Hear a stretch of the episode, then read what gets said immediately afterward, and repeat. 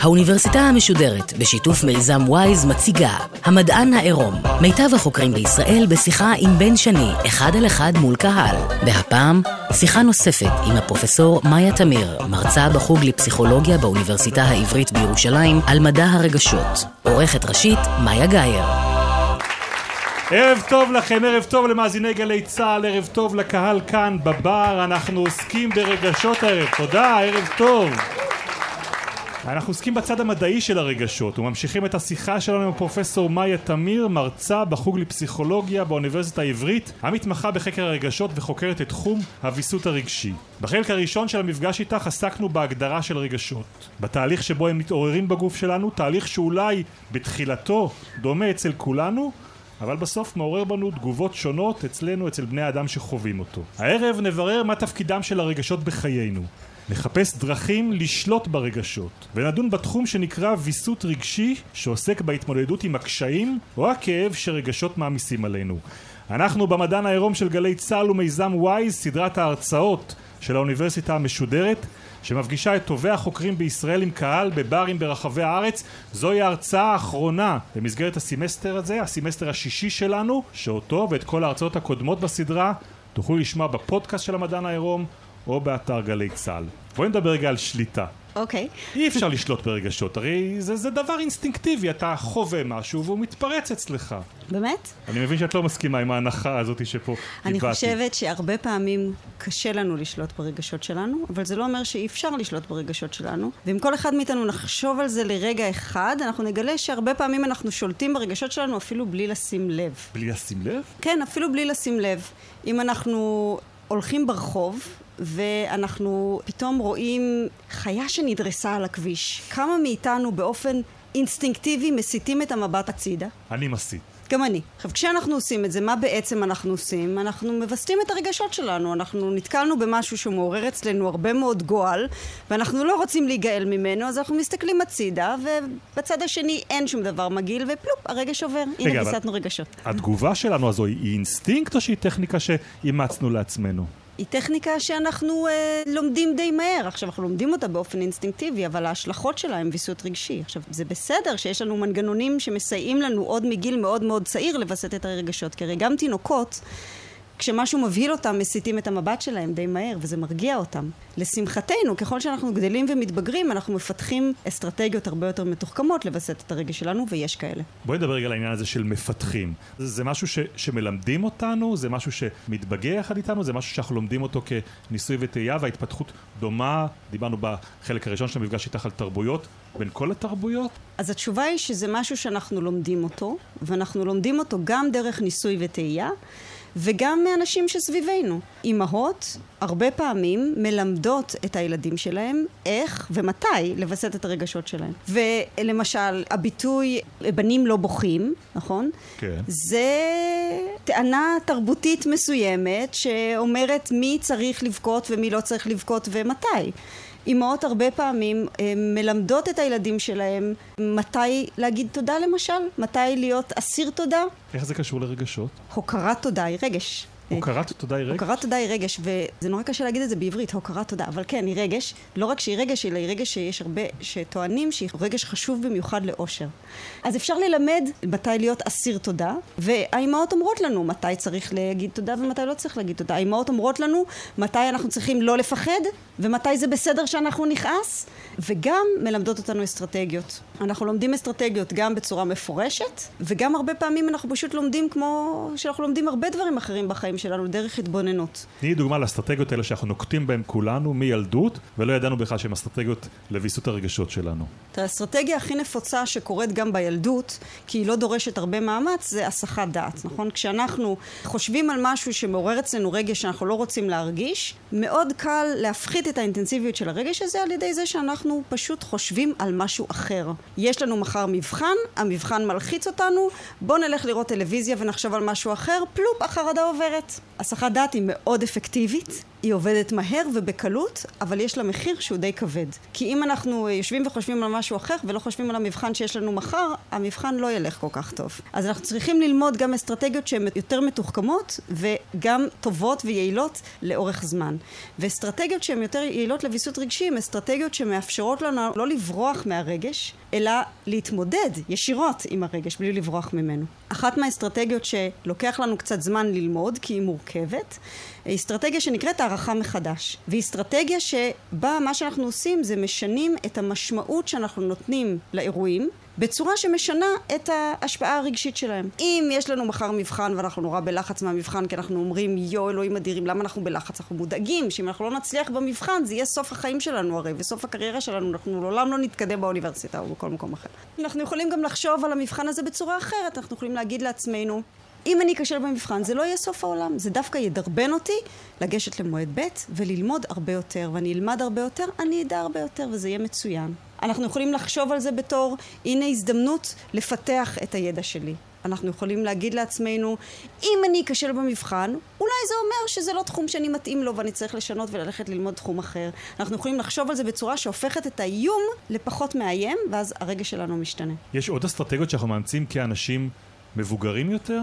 הערכה מחדש זה משהו שמתפתח יותר מאוחר, כי הוא דורש הבנה יותר מעמיקה של האירוע ואיך הוא משפיע עלינו. יש סוג של אסטרטגיה שאנחנו יכולים לאמץ ככל שיש לנו יכולת שליטה עצמית יותר גבוהה. הוא מאוד לא אפקטיבי, אבל אנחנו בתור מבוגרים עושים אותו המון, הרבה יותר מילדים. וזה פשוט לנסות ישירות להפחית את הביטויים של הרגש. אז יכול להיות שאתה, משהו נורא נורא נורא מצחיק אותך עכשיו באמצע הראיון, אבל אתה עובד נורא קשה כדי להיראות רציני, בגלל שזה חשוב שאתה תהיה רציני. או יכול להיות שאנשים פה בקהל, משהו נורא מדגדג אותם או מצחיק אותם, והם עובדים נורא קשה כדי להתנהג כמו שצריך. אוקיי, אז כשאנחנו שולטים בביטויים של הרגש שלנו, לפעמים אנחנו חושבים שזה ישפיע גם על איך שאנחנו מרגישים, בדרך כלל זה לא. יש גם שיטות לוויסות רגשי שהן הרבה יותר מורכבות. הן מורכבות גם ביכולת שלנו להשתמש בהן, והן מורכבות גם ביכולת שלנו להבין אותן. אחת מהאסטרטגיות שהיום מקבלת הרבה מאוד תשומת לב על ידי מדענים וגם מטפלים, זה קבלה. הרעיון ש...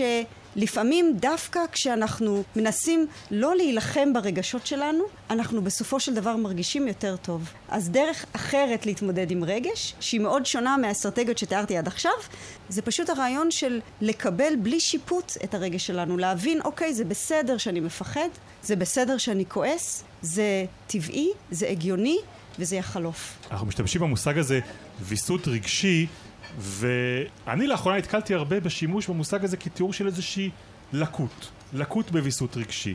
יש אנשים שלא יכולים לווסת את הרגשות כתוצאה ממנגנון של לקוי אצלהם? כן, בוודאי. כשאנחנו מדברים על רגש באופן כללי, אנחנו צריכים להבין שיש פה איזשהו רצף, שבצד אחד שלו יש את האנשים הבריאים, שגם הם, כולנו, מתמודדים עם רגשות וצריכים לפעמים לווסת אותם בכל מיני כיוונים ובכל מיני דרכים. יש גם את החלק ברצף הזה שהוא כבר חלק אבנורמלי. כשאנחנו חווים עצב לא בסיטואציה שבאמת מעוררת עצב ולא ברמה של האינטנסיביות של עצב שאנשים אחרים חווים בצורה שלא קשורה לסיטואציה בכלל ונמשכת הרבה מאוד זמן יכול להיות שבשלב הזה אנחנו כבר מגיעים לאזור של, ה, של ההתפלגות שהוא יותר אבנורמלי. ושם יש לאנשים שיש להם דיכאון קליני או אנשים שיש להם חרדה קלינית יש בעיה אמיתית בוויסות רגשי. עכשיו יש להם בעיה בוויסות רגשי גם בגלל שהרגש שלהם הוא רגש שנורא נורא נורא נורא קשה לווסת כי הוא מאוד אינטנסיבי והוא כל הזמן שם. אבל גם יש להם בעיה ממש באיך לווסת את הרגשות שלהם. פסיכולוגים לא תמיד מבינים מה שורש הבעיה. האם הבעיה היא שאין להם את הכלים לוויסות? האם הבעיה שאין להם את היכולת הבסיסית של שליטה עצמית, שבכלל לא קשורה אולי לרגש? או האם הבעיה שהם לא תמיד יודעים לאיזה כיוון לווסת את הרגש שלהם, או המטרות הרגשיות שלהם הן שונות. יש פה מגוון מאוד רחב, אבל ללא ספק יש אנשים שהם באמת באופן אובייקטיבי מאוד מאוד קשה להם לווסת את הרגש. אבל אני רוצה להדגיש שאני לא פסיכולוגית קלינית, אני בטח לא פסיכיאטרית, אבל לא פסיכולוגית קלינית, ולכן אני קצת זהירה בכל מה שאני אומרת על תופעות אבנורמליות, כי זה לא תחום העיסוק שלי. אבל זה מקרי, או שזה קשור למשהו? העובדה שעד עכשיו בעיקר נתנו דוגמאות שמתייחסות לרגשות שהם שליליים. כשאנחנו חושבים על ויסות רגשי באופן אה, אינטואיטיבי, או כשאנחנו בדרך כלל מוצאים את עצמנו עוסקים בוויסות רגשי, בעיקר כשאנחנו מודעים לזה שאנחנו עוסקים בוויסות רגשי, זה בגלל שיש לנו איזשהו רגש שאנחנו מגדירים אותו כרגש רע, שאנחנו רוצים להיפטר ממנו. אנחנו, יש לנו איזשהו אנטי מובנה לרגשות השליליים שלנו בלי שום סיבה. יש להם באמת סתם שם רע. אם אתם הייתם הולכים בסמטה חשוכה בלילה ואתם יודעים שזה מקום מסוכן שיש שם טיפוסים מפוקפקים והייתם מרגישים לגמרי לגמרי לגמרי רגועים אתם חושבים שזה היה בריא לכם? אתם חושבים שזה היה טוב לכם? אם יש לכם מבחן חשוב או אתם צריכים להגיש איזו מטלה חשובה בעבודה ואתם לא לחוצים זה טוב? לא בהכרח. הלחץ לפעמים דוחף אותנו לעבוד יותר קשה. הפחד לפעמים עוזר לנו להימנע מאסון. הכעס לפעמים מסייע לנו להילחם על מה ששלנו, או על מה שצודק. נכון, יש את הרגשות השליליים האלה, שזה כמו איזה סופת אה, טורנדו שבאה וסוחפת אותנו למקומות שאנחנו לא רוצים להגיע אליהם, ואנחנו רוצים להפסיק אותה. אבל אני רוצה להגיד שרגשות הם לא סופת טורנדו. ואם כבר אנחנו צריכים לחשוב על איזושהי מטאפורה לרגש, אני הייתי מעדיפה מטאפורה של רוח, שיכולה לייצר חשמל, ויכולה להפיץ אבקנים, ויכולה לעשות כל מיני דברים שמסייעים לנו מאוד מאוד מאוד. ואם אנחנו חושבים על רגש בצורה כזאת, אז אנחנו לאט לאט מתחילים להבין שאנחנו עוסקים בוויסות רגשות לא רק כדי להיפטר מאותם רגשות שליליים, אלא כדי להשתמש ברגשות שלנו בצורה שהיא בסופו של דבר משרתת אותנו. אבל הסכנות תמיד נמצאות שם. מבחן יהיה בסמסטר הזה, ואם לא בסמסטר הזה, בסמסטר הבא. אז מתי מותר לנו להרגיש טוב? תראה, זה הכל עניין של קונטקסט. זה נכון שבסופו של יום, אנחנו כן רוצים, כדי להיות מאושרים, אוקיי? ואנחנו יכולים קצת לדבר על מה זה אושר, כי זה לא, התשובה היא לא טריוויאלית, אבל זה נכון שבסופו של דבר אנחנו רוצים באיזון הגדול של הדברים להרגיש יותר טוב מרע. זה נכון, אין ספק. אבל מה שאני אומרת זה שזה בסדר להתייחס בקצת יותר אהבה גם לאותם רגעים שאנחנו לא מרגישים הכי טוב בעולם. כי יש סיבה לפעמים שאנחנו כועסים, ויש סיבה לפעמים שאנחנו מפחדים, ויש סיבה לפעמים שאנחנו עצובים, וזה בסדר. זה ברור, אבל יש גם כן הרבה גישות שבאות ואומרות, תחשוב חיובי, פסיכולוגיה חיובית. אם תגדיר לעצמך ותרגיש טוב, גם יהיה טוב. את מקבלת אותם? אין לי בעיה עם זה. אין לי בעיה עם פסיכולוגיה חיובית, ואין לי בעיה עם הרעיון שאנחנו רוצים למקסם הנאה בטווח הרחוק. מה שאני כן רוצה לאתגר זה את ההנחה שאנחנו תמיד רוצים להרגיש טוב כרגע. כי אני לא חושבת שזה בהכרח נכון. אנחנו רוצים להרגיש את הרגשות שהם הכי יעילים וטובים עבורנו. עכשיו, אם אנחנו מסכימים עם ההנחה שגם רגשות נעימים וגם רגשות לא נעימים, יש להם תפקיד מסוים בחיים שלנו, והם יכולים להניע אותנו לדברים שבסופו של דבר יכולים לסייע לנו, אז לפעמים זה נכון להרגיש לא טוב.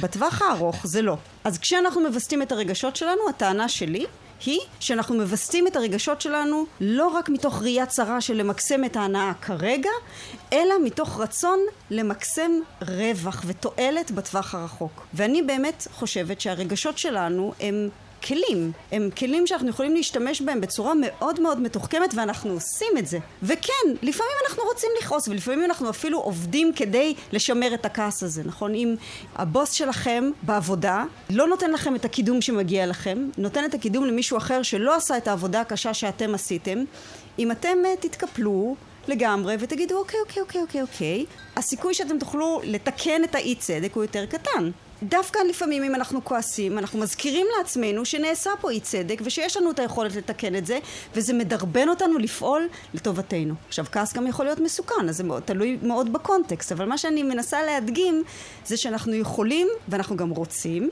ועושים את זה להשתמש ברגשות שלנו בצורה שבסופו של דבר עוזרת לנו. ואנחנו מוכנים גם לסבול בשביל זה לפעמים. אבל יש רגשות שאנחנו מרגישים, אנחנו יודעים לחוות אותם, או לתאר אותם, או להמשיג אותם, שהם בעליל לא פרודוקטיביים? שאין להם תכלית כזאת? זה הכל תלוי בקונטקסט. אין רגש שהוא רגש שהוא תמיד טוב, ואין רגש שהוא רגש שהוא תמיד רע. והשימוש, גם ביום יום וגם המדענים משתמשים ברגשות חיוביים ורגשות שליליים, הוא שימוש שאני תמיד מנסה להימנע ממנו. כי רגש יכול להיות חיובי בקונטקסט מסוים, והוא יכול להיות אה, שלילי בקונטקסט אחר, נכון? אפילו שמחה. אם אתה בא לנחם אה, אבלים ואתה שמח, אז השמחה באותו קונטקסט זה לא דבר חיובי במיוחד, זה דבר שהוא לא מתאים. ועצב יכול להיות, uh, כשאתה בא לנחם מישהו, דווקא יכול להיות חיובי, בגלל שהוא יכול לחבר אותך מאוד למישהו אחר. אז כל רגש יכול להיות חיובי בקונטקסט מסוים, או שלילי בקונטקסט מסוים. דיברנו קודם על נושא הוויסות הרגשי, ודיברת על טכניקות לווסת את הרגשות. יש טכניקה מאוד יעילה, תרופות או סמים, שגורמים לך להרגיש טוב או להיפטר מחרדות או מתחושות אה, קשות שאתה מרגיש, רגשות קשים שאתה חווה. מה דעתך עליהם? אין לי כל כך דעה עליהם, כי אני לא פסיכיאטרית, כמו שאמרתי. פסיכיאטרים הם מי שנותנים אה, תרופות לאנשים שזקוקים להם. אני גם לא פסיכולוגית קלינית, אז אני לא יכולה לייעץ לאנשים שזקוקים לאמצעים אה, כימיים או ביולוגיים כדי לשנות את המצב הרגשי שלהם. אני חושבת שיש לנו הרבה יותר כוח ממה שאנחנו חושבים, והרבה יותר יכולת לשלוט ברגשות שלנו, וכשאני משתמשת במילה שליטה, אני לא מתכוונת ל- לסלק את הרגשות הרעים, אלא להשתמש ברגשות שלנו בצורה שהיא יותר יצירתית. כדי להיעזר בהם ולא לברוח מהם, ואני חושבת שאנחנו יכולים לעשות את זה בעצמנו. כמובן שיש אנשים שעושים כל מיני דברים כדי לשנות את המצבים הנפשיים שלהם בכל מיני כיוונים, אני לא שופטת אף אחד. דיברנו על האופן שבו הרגשות גורמים לנו לתכנן את חיינו. איפה נמצאים הרגשות האלה ביחס לנושאים כמו ערכים או למוסר? איזה יופי של שאלה. זו שאלה מצוינת, כי הרבה פעמים כשאנחנו חושבים על רגש, אנחנו חושבים עליו שוב בתור איזשהו אה, מנגנון ביולוגי שניצת באיזשהו שלב והוא לא קשור בכלל לצורה שבה אנחנו רואים את העולם. אני מנסה להעביר גישה קצת אחרת. אני מנסה להעביר גישה שאומרת שהרגשות שלנו בין אם הם נעימים ובין אם לא נעימים יש להם משמעות. ואנחנו יכולים דרך המשמעות הזאת להיעזר בהם ולהשתמש בהם. עכשיו, אם אנחנו חושבים על המשמעות שיש לרגשות, אז אנחנו יכולים לנסות לחבר אותם לדברים שחשובים לנו. ואז אנחנו יכולים להגיד, אם אני למשל בן אדם שמאוד מאוד חשוב לו הוגנות ואחווה וטוב לב בעולם. אז אני בן אדם שתאורטית אולי רגש שמתחבר מבחינת הערך שלו לטוב לב ואמפתיה וחיבור בין אנשים כמו אמפתיה, יהיה רגש שיהיה לו חשיבות מיוחדת עבורי. אם אני בן אדם שמאוד מאוד חשוב לי כוח, ומאוד חשוב לי מעמד, ומאוד חשובים לי הישגים, יכול להיות שעבורי לכעס תהיה משמעות וערך הרבה יותר חשוב מאשר אנשים אחרים. ויש לנו מחקרים שמראים שהערכים שיש לנו קשורים לרגשות שאנחנו רוצים להרגיש. יש אנשים שרוצים להרגיש אמפתיה יותר מאנשים אחרים, והם אותם אנשים שחשוב להם אחווה ואחדות בעולם. יש גם אנשים שרוצים להרגיש כעס ושנאה יותר מאנשים אחרים, והם אותם אנשים שבשבילם כוח ומעמד הם הרבה יותר חשובים. אז יש קשר מאוד מהותי בין הרגש לבין הערך של הרגש, ומה שמדהים זה שהקשר הזה הוא קשר שקיים בכל התרבויות.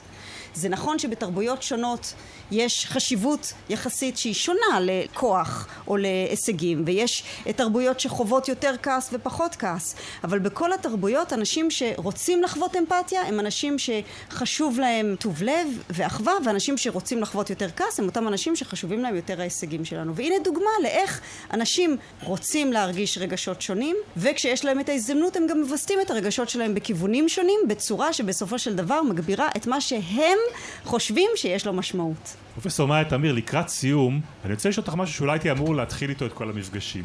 איך בכלל הגעת לתחום הזה של חקר הרגשות? תראה, רגש זה בעיניי אחד מהכוחות המופלאים שיש בנו כבני אדם. ומאז ומעולם, ואני מניחה שיש אנשים פה בקהל שאולי ככה מזדהים איתי, הרגשות הם משהו שנורא נורא נורא מסקרנים. כי אנחנו חווים אותם ואנחנו מודעים להם ויש להם השפעה כל כך דרמטית על איך אנחנו מתנהגים ומה אנחנו עושים ואיזה בחירות אנחנו עושים ואיך אנחנו מתקשרים אחד עם השני. אז מאז ומעולם רגש נורא נורא נורא סקרן אותי, אבל אני גם בן אדם יחסית אנליטי, ולכן תמיד אמרתי, מה, מה הקשר בין הרגש מצד אחד לבין החשיבה האנליטית מצד שני, והאם הם באמת שני דברים שהם הפוכים אחד מהשני, או אולי הם שני דברים ששזורים אחד בשני ועובדים ביחד, כמו שתמיד נראה לי באופן אינטואיטיבי שזה נכון, וכשנוצרה האפשרות ללמוד אצל מישהו שחקר את הקשר בין רגש וקוגניציה, אז אני התאהבתי לגמרי, וזהו, ובזה נגמר העניין. את זוכרת את הניסוי הראשון שערכת? וואו. הניסוי הראשון שערכנו ניסוי מאוד מאוד מאוד שונה מכל הדברים שאני עושה עכשיו.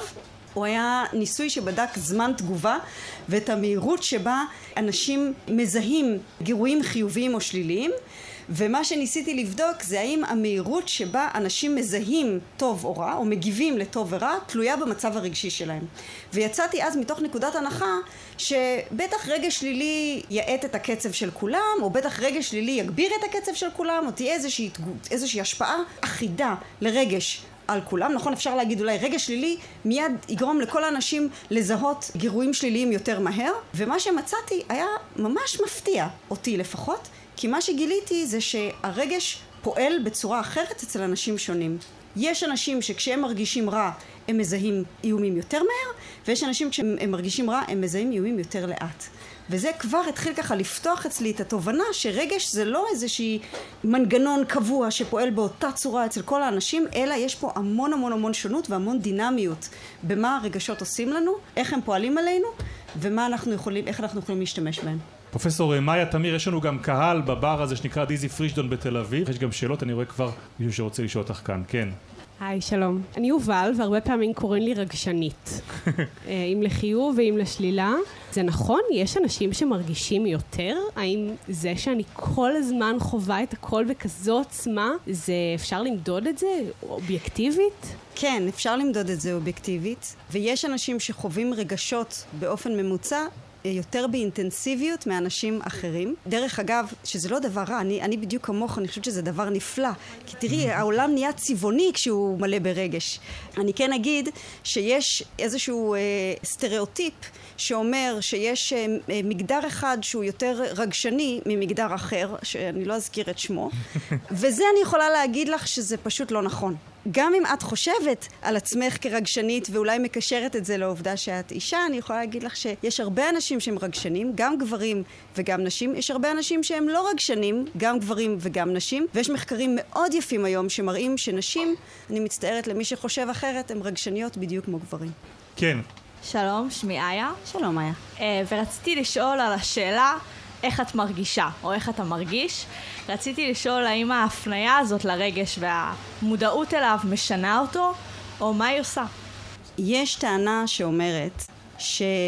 וזה דרך אגב לא טענה שהיא ייחודית למחקר של רגש, אלא היא טענה שהיא תקפה למדע באופן כללי, שברגע שאתה מודד משהו, אתה משפיע עליו. ויש גם מחקרים ספציפיים בתחום הרגש שמראים שברגע שאנחנו שואלים אנשים באיזה מידה אתה מרגיש כעס, אנחנו משנים קצת את איך שהם מרגישים, כי אנחנו מביאים את המודעות שלהם למשהו שאולי לא, לא, המודעות לא הייתה שם מקודם. אז כן, סביר להניח שיש השפעה מסוימת. כשאנחנו חוקרים רגש במעבדה אנחנו מנסים לנטרל את ההשפעה הזאת בכל מיני דרכים. למשל, אם אנחנו מתעניינים בכעס, אנחנו לא שואלים אנשים רק עד כמה אתה כועס, כי אז אנשים חושבים בעיקר על כעס, ופתאום הכעס נהיה משהו נורא רלוונטי, ואז הם יכולים גם לתת את המשמעות של כעס לחוויה שלהם, גם אם היא לא הייתה שם. אז אנחנו שואלים אותם עד כמה אתה כועס, ועד כמה אתה מפחד, ועד כמה אתה שמח, ועד כמה אתה עצוב, ועד כמה אתה אשם, ואז יש איזשהו פיזור של ההשפעה על רגשות שונים. ואז אם אנחנו עושים השוואה בין כעס לרגש אחר, אנחנו יכולים להגיד שגם אם שינינו משהו בתהליך, סביר להניח שהשינוי שעשינו הוא אחיד לאורך כל הרגשות, ולכן אם אנחנו מוצאים הבדל בין רגשות, זה לא קשור ספציפית לזה. אבל את צודקת שברגע שאנחנו מודדים משהו, אנחנו גם קצת משנים אותו. הנה יש פה גבר שרוצה לדבר על רגשות. רציתי לשאול על, אה, על הדוגמה של אה, פסיכופת, של בעצם בן אדם שאולי רוצה לחוות אמפתיה, אבל אולי לא מסוגל. ואיך זה מתחבר לאולי תיאוריית ההתניה הפסיכולוגית, וגם לדוגמה שהבאת קודם על זה שאנשים שמאוד רוצים לחוות אמפתיה, כנראה יחוו דברים חיוביים יותר.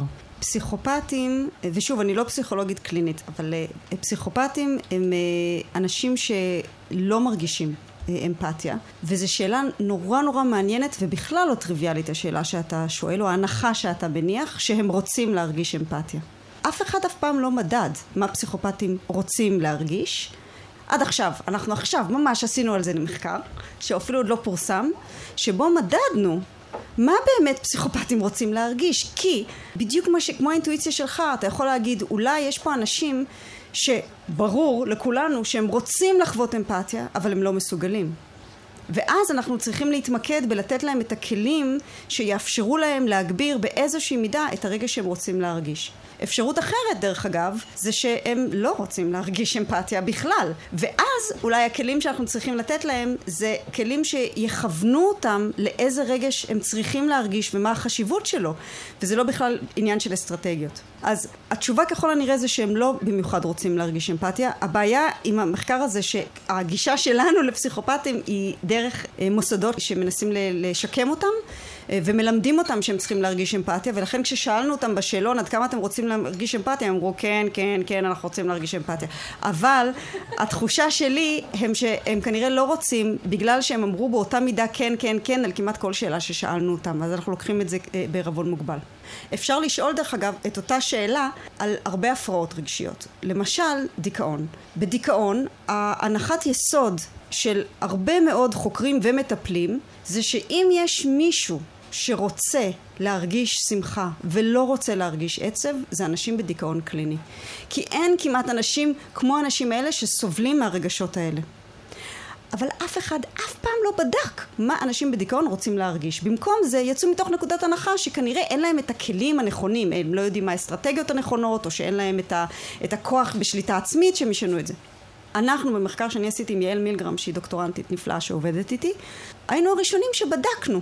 באנו לאנשים בדיכאון קליני ובדקנו מה אתם רוצים להרגיש ועשינו את זה בכל מיני דרכים. שאלנו אותם אבל לא הסתפקנו בזה ששאלנו אותם אלא גם אמרנו בוא ניתן להם את המכונות הכי הכי משומנות לוויסות רגשות נוודא שהם מסוגלים להשתמש בהם. ואז פשוט במקום להגיד להם אוקיי עכשיו תפחיתו את העצב שלכם נשלח אותם לחופשי ונראה לאיזה כיוון הם לוקחים את הדברים באופן טבעי. ומה שגילינו זה שאנשים בדיכאון רוצים להרגיש שמחה פחות מאנשים שהם לא בדיכאון ורוצים להרגיש עצב יותר והמחקרים האלה מה שהם מראים לנו זה שאנחנו לא בהכרח הסתכלנו על המקום הנכון של הבעיה התמקדנו בלתת להם את הכלים הנכונים כשיש להם את הכלים הנכונים אם אנחנו נותנים להם את הכלים ואומרים להם עכשיו תווסתו בכיוון הזה הם יכולים לעשות את זה טוב במעבדה הם לא עושים את זה בחיי היומיום, בין היתר כי הם לא כל כך רוצים. למה הם לא רוצים? זו כבר שאלה יותר מורכבת ומאוד מאוד מעניינת, ויש לנו הסברים, אבל זה אולי לשיחה הבאה. פרופסור מאיה תמיר, לקראת סיום יש לנו תמיד סבב מהיר של שאלות, התשובה עליהן צריכה להיות ממש קצרצרה, אוקיי? ננסה. את מחליטה יותר, מהראש או מהבטן? מהבטן. מה הרגע שהכי מפעיל אותך? אהבה. וואו. מה גורם לך לבכות? הכל. אני רק צריכה לראות מישהו בוכה ואני מתחילה לבכות גם. אפילו רוצה... אם זה פרסומת למכונת כביסה, אני... דמעות, אני בוכה גם. היית רוצה להימנע מזה? לווסת את זה? כי התשובה היא כן, אה, יש סיטואציות אה, פומביות שזה פחות אה, מתאים לפרוץ בבכי, אבל כבר התרגלתי לזה שאני לא, יש לי יכולת ויסות מאוד קטנה בהקשר הזה. מה הרגש הכי לא מפוצח מבחינתך? המאה. המאה זה מה שסיפרת לנו עליו במפגש הקודם, תזכירי? זה הנאה שאנחנו חווים כשאנחנו לגמרי מתמסרים לתלות מלאה במישהו אחר. מאיה, יש לדעתך רגש שהוא היום פופולרי יותר מאשר בעבר? כן. כן? אני חושבת. אה, אמפתיה. לפחות בתחום המדעי סופר פופולרי, המון המון המון עניין אה, מחקרי בלהבין אמפתיה, וזה מאוד משמח אותי, אני חייבת להגיד. אבל אני גם... אני חושבת שזה רגש חשוב. את אומרת את זה לגבי המחקר, או לגבי העובדה שאנשים חווים היום אמפתיה יותר מאשר בעבר? אני לצערי לא בטוחה שזה נכון. במחקר, במחקר אמפתיה יותר פופולרית.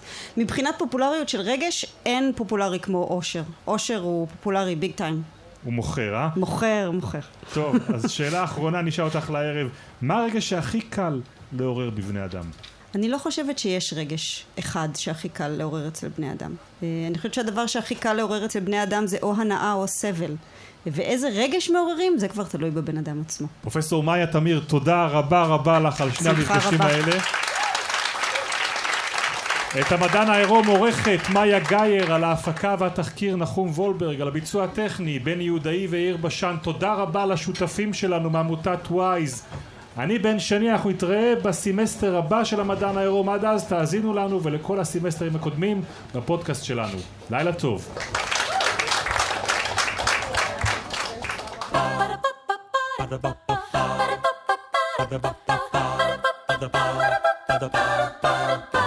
האוניברסיטה המשודרת, המדען העירום.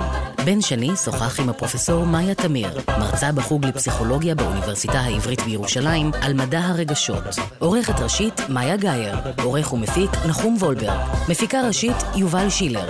ביצוע טכני, בני יהודאי ויאיר בשן. עורכת הדיגיטל, נועה שינדלר. האוניברסיטה המשודרת, בכל זמן שתרצו.